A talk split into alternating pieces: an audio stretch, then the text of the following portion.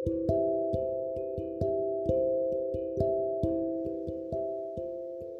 teman-teman, selamat malam, selamat sore, siang, pagi, dan selamat apa pun itu. Selamat datang di podcast Suara Hanisa, podcast yang sudah terlalu lama tidur dan baru banget bangun gitu. Tapi pas bangun langsung disuguhkan dengan keadaan dunia yang cukup diporak-porandakan gitu. Tapi meskipun begitu, aku lagi dan lagi tetap berharap kabar dari teman-teman semuanya selalu ada dalam keadaan sehat dan juga baik. Karena nampaknya akhir-akhir ini, bahkan sampai kapan pun dan di mana pun, kabar sehat dan keadaan baik-baik saja menjadi sesuatu hal yang penting, yang sangat diharapkan bagi sesiapapun dan juga perlu untuk dijaga dan dipertahankan.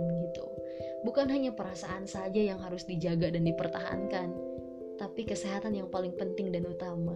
Jangan sampai kita kehilangan akal sehat untuk mempermasalahkan perasaan yang nggak berperasa pada kita gitu. Asik kok jadi bucin ya. Oke teman-teman, omong-omong tentang kabar sehat, mungkin telinga kita udah terlalu bosan dan juga nggak asing lagi gitu menyoal tentang pandemi pandemi yang semakin menjalar bahkan semakin liar gitu dan kita nggak tahu kapan ini berakhir. Yang jelas, yang kita tahu bahwa dari pandemi ini, si pandemi telah berhasil dan juga sukses menghantui dan membuat kita takut selama kurang lebih dua tahun. Dan dua tahun ini bukan waktu yang sebentar.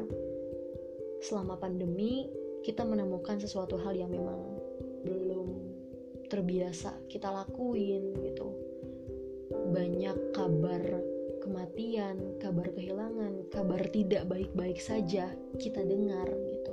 Tapi meskipun begitu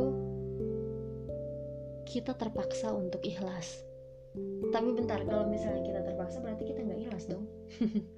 Bukan ke sana, tapi pada intinya untuk bisa menerima sesuatu hal yang nggak biasa itu memang perlu waktu, perlu proses gitu. Nggak ujuk-ujuk oke okay, aku ikhlas oke okay, aku bisa menerima. Enggak mustahil. Semua perlu proses dan waktu yang memang hmm, kadar waktu setiap orang itu standar waktu setiap orang itu tentu berbeda gitu. Hmm, tapi aku tetap berharap mudah-mudahan dengan adanya pandemi ini kita tetap mendapatkan um, hikmah sehingga kita bisa menerima segala hal itu, baik itu keadaan, perasaan, kabar kehilangan, atau pelajaran apa pun dengan ikhlas yang sebenar-benarnya ikhlas. Oke teman-teman, omong-omong tentang membiasakan sesuatu hal yang nggak biasa nih, kayaknya ini sering terjadi dan mungkin udah biasa dirasain oleh umat manusia. Umat manusia yang lahir pada tahun 2000-an lah.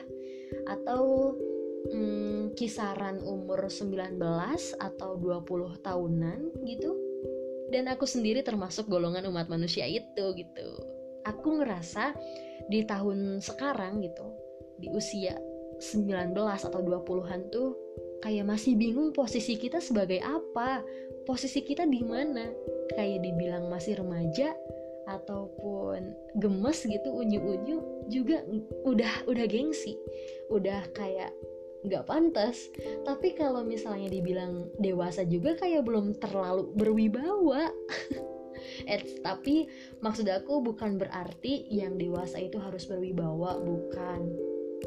Dan memang wibawa di sini bukan berarti dalam tanda kutip dipandang orang tapi memang wibawa yang aku maksud adalah soal kesiapan. Karena kita tahu bahwa menjadi dewasa itu nggak perlu waktu dan juga nggak mandang usia.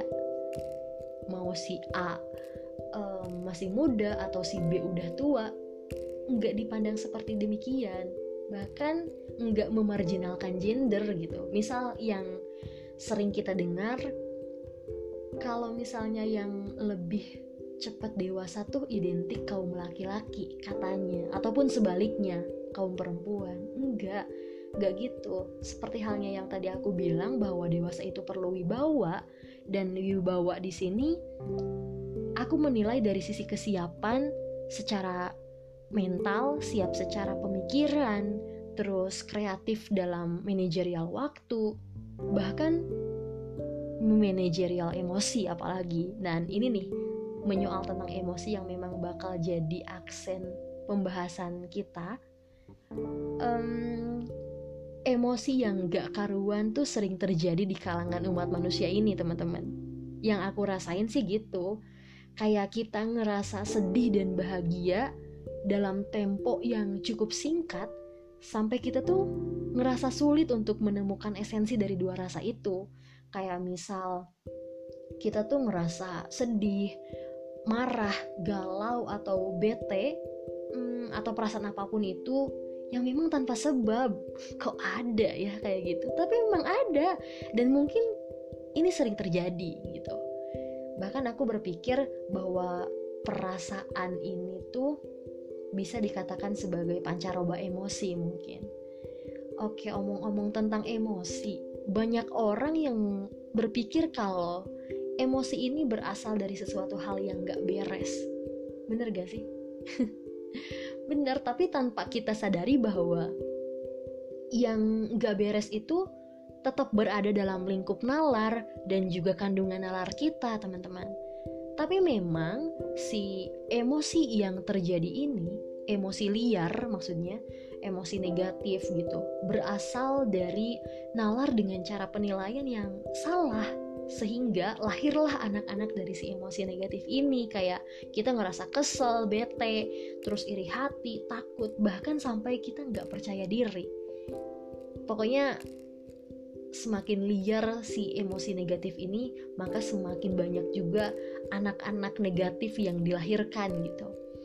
Padahal kalau kita pikir lebih dalam, si, si emosi ini tuh masih menjadi kendali kita. Kita sebagai total kontrol dalam memosisikan si emosi ini gitu. Dan masih bisa kita kendalikan melalui manajerial cara pandang kita. Karena kalau kata filsafat stoa nih yang ngajarin way of life segala hal itu punya sisi baik dan buruk gitu apa pun dampak yang diterima itu kembali pada cara pandang kita, bagaimana kita menafsirkan hal tersebut. Makanya, kalau misal kita udah ngerasain hal aneh, hal yang nggak biasa, kayak kita tuh udah ngedapatin apa ya respon atau aba-aba dari si nalar, si nalar kita bahwa si hal liar itu apa emosi negatif mulai kelihatan, maka kita harus sadar diri. Ayo, kita harus sudah seharusnya menyusun strategi, jangan sampai kita dikendalikan sama si emosi liar itu. Tapi bentar deh, kalau dipikir-pikir, peperangan yang gak ada habisnya dan terus berulang, itu ada dan terjadi dalam diri kita sendiri. Bener gak sih? Kayak kita berperang dengan emosi kita sendiri, emosi liar, emosi negatif gitu. Makanya kalau misal si emosi ini udah mulai masuk, udah mulai meresap dalam diri kita, please, ayo kendaliin diri, jangan kelamaan. Kita juga perlu waktu untuk bahagia gitu, karena kita tahu dan kita juga ngerasain kalau bahagia itu adalah masa di mana kita terbebas dari gangguan buruk seperti apa ya istilahnya seperti rasionalitas yang melenceng gitu. Kayak emosi liar tadi. Maka kalau misalnya udah gitu kita tahu bahwa emosi ini adalah masih termasuk pada kendali kita kita sebagai total kontrol jadi ayo bangkit semangat tetap kendaliin diri dan bersiaplah untuk menjadi dewasa yang seutuhnya. Gitu. Tetap semangat teman-teman, jangan lupa untuk tetap tersenyum. Kita jumpa lagi di episode selanjutnya di Suara Hanisa tentang apa aja yang penting kita ngobrol. Bye bye.